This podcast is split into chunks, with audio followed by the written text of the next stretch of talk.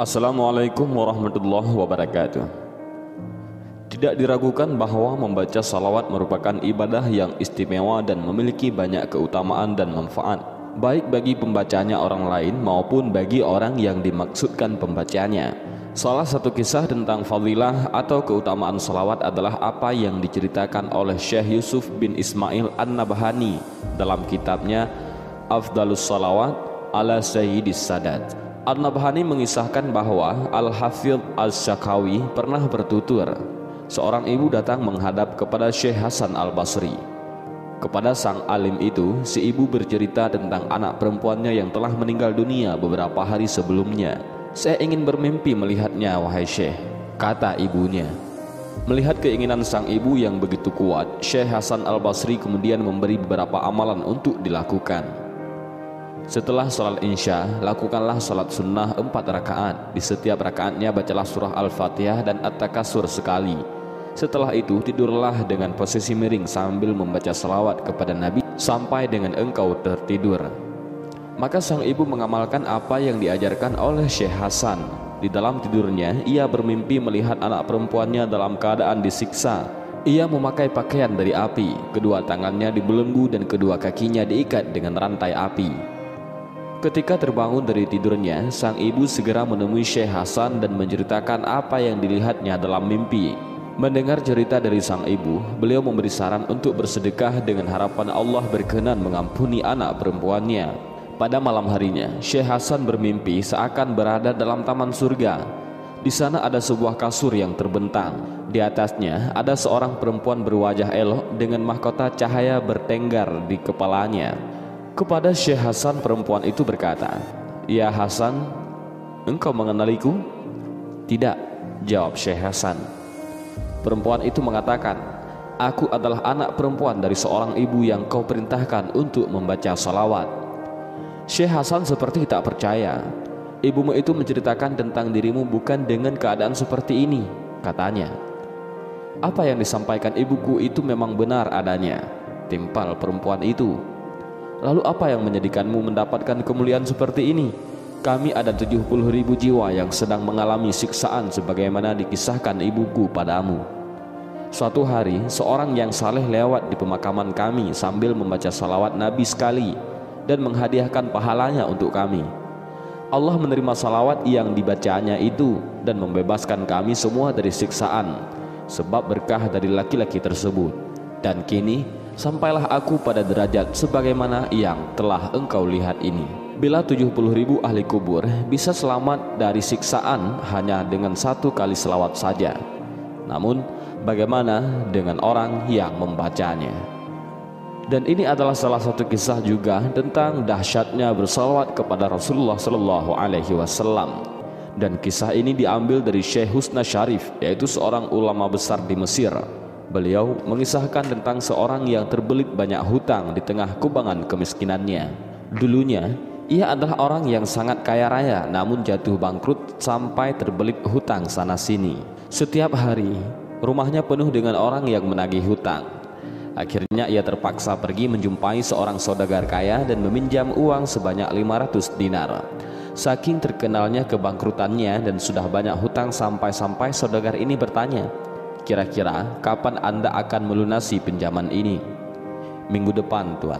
Jawabnya singkat. Ia pun berhasil meminjamkan hutang lalu pulang dengan 500 dinar di genggamannya. Uang itu segera ia bayarkan kepada orang yang setiap hari datang menagih hutang kepadanya sampai 500 dinar yang ia peroleh itu tidak tersisa sama sekali. Hari demi hari bertambah sulit dan terpuruk kondisi ekonominya hingga tempo pembayaran hutangnya pun tiba. Saudagar mendatangi rumah si miskin dan mengatakan, "Tempo hutang Anda telah tiba." Dengan suara lirih ia menjawab, "Demi Allah, saya tak berhasil mendapatkan apa-apa untuk membayar, tapi sungguh saya terus berusaha untuk melunasi." Saudagar ini merasa geram lalu mengadukannya ke pengadilan dan membawanya ke hakim. Di pengadilan, hakim bertanya, "Mengapa Anda tidak membayar hutang Anda?" Dia menjawab, "Demi Allah, saya tidak memiliki apa-apa, Tuan." Karena merasa ini adalah kesalahan si miskin, maka hakim memfonisnya dengan hukuman penjara sampai ia bisa melunasi hutangnya. Kemudian si miskin bangkit dan berkata, "Wahai Tuan Hakim, Berilah saya waktu untuk hari ini saja. Saya hendak pulang ke rumah untuk berjumpa keluarga dan mengabarkan hukuman ini sekalian berpamitan dengan mereka. Kemudian, saya akan langsung kembali untuk menjalani hukuman penjara. Hakim pun meragukannya. Bagaimana mungkin? Apa jaminannya kau akan kembali besok? Lelaki itu terdiam, tapi seolah mendapat ilham di benaknya. Rasulullah Shallallahu Alaihi Wasallam jaminanku wahai Tuan Hakim Bersaksilah untukku, jika besok aku tidak kembali, maka aku bukanlah termasuk umat Rasulullah. Sang hakim tersentak diam. Ia sadar betapa bahayanya jaminan itu jika si miskin bohong. Hakim berpikir sejenak lalu memilih untuk percaya demi Rasulullah. Hukuman pun ditunda sampai besok. Sesampainya di rumah, si miskin mengabarkan kondisinya kepada istrinya bahwa esok akan dipenjara. Istrinya bertanya, "Kok sekarang engkau bisa bebas?" Aku menaruh nama Rasulullah Shallallahu Alaihi Wasallam sebagai jaminanku. Jawab si miskin itu. Air hangat menetes dari mata istrinya seraya ia berkata kepada suaminya, jika nama Rasulullah Shallallahu Alaihi Wasallam yang menjadi jaminan bagimu, maka mari kita bersalawat. Dan mereka pun bersalawat kepada Rasulullah dengan rasa cinta dan ketulusan yang mendalam hingga mereka tertidur. Tiba-tiba dalam tidurnya mereka bermimpi melihat Rasulullah Beliau memanggil nama si miskin seraya berkata, Hai Fulan, jika telah terbit fajar pergilah ke tempat alim Fulan. Sampaikan salamku kepadanya dan mintalah supaya ia menyelesaikan hutang piutangmu. Jika alim itu tidak percaya, maka sampaikan dua bukti ini. Pertama, katakan padanya bahwa di malam pertama ia sudah membaca salawat untukku seribu kali. Dan di malam terakhir, ia telah ragu dalam jumlah bilangan salawat yang dibacanya sampaikan padanya bahwa ia telah menyempurnakan selawatnya. Seketika si miskin terbangun dan terkejut. Tanpa ragu setelah subuh ia pergi menuju rumah sang alim dan berjumpa dengannya. Tanpa buang waktu, si miskin menyampaikan mimpinya. Wahai Tuan, Rasulullah Shallallahu Alaihi Wasallam telah menitipkan salam untukmu dan meminta agar engkau sudi menyelesaikan hutang piutangku. Alim itu bertanya, apa bukti dari kebenaran mimpimu itu? Kata baginda Nabi, di malam pertama engkau telah berselawat sebanyak seribu kali dan di malam kedua anda tertidur dalam keadaan ragu dengan jumlah bilangan selawat yang telah anda baca. Rasulullah mengatakan bahwa hitungan selawat anda telah sempurna dan selawat anda telah diterima olehnya. Mendengar itu, alim itu spontan menangis karena berita gembira selawatnya diterima Rasulullah. Maka alim tersebut memberi uang 500 dinar dari Baitul Mal untuk melunasi hutang si miskin dan 250 dari harta pribadinya untuk si miskin sebagai tanda terima kasih atas berita gembira yang ia sampaikan. Dengan dana itu, si miskin langsung bergegas pergi ke hakim untuk menyelesaikan perkaranya. Sesampainya di pengadilan, si hakim bangkit dari kursinya menyambut si miskin seakan sudah rindu. Dengan senyum lebar sang hakim memanggilnya seraya berkata, Kemarilah, berkat kamu aku bermimpi berjumpa Rasulullah. Rasulullah telah berpesan kepadaku bahwa jika aku menyelesaikan hutangmu, maka kelak Rasulullah akan menyelesaikan perkaraku di akhirat. Ini uang 500 dinar untuk lunasi hutang-hutangmu.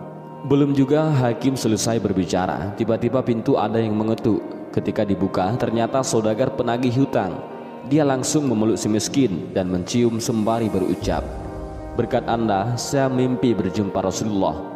Beliau berkata kepadaku, jika aku merelakan hutangmu, maka kelak di hari kiamat Rasulullah akan merelakan segala tanggunganku dan ini uang 500 dinar hadiah untuk anda dan hutangmu sudah lunas.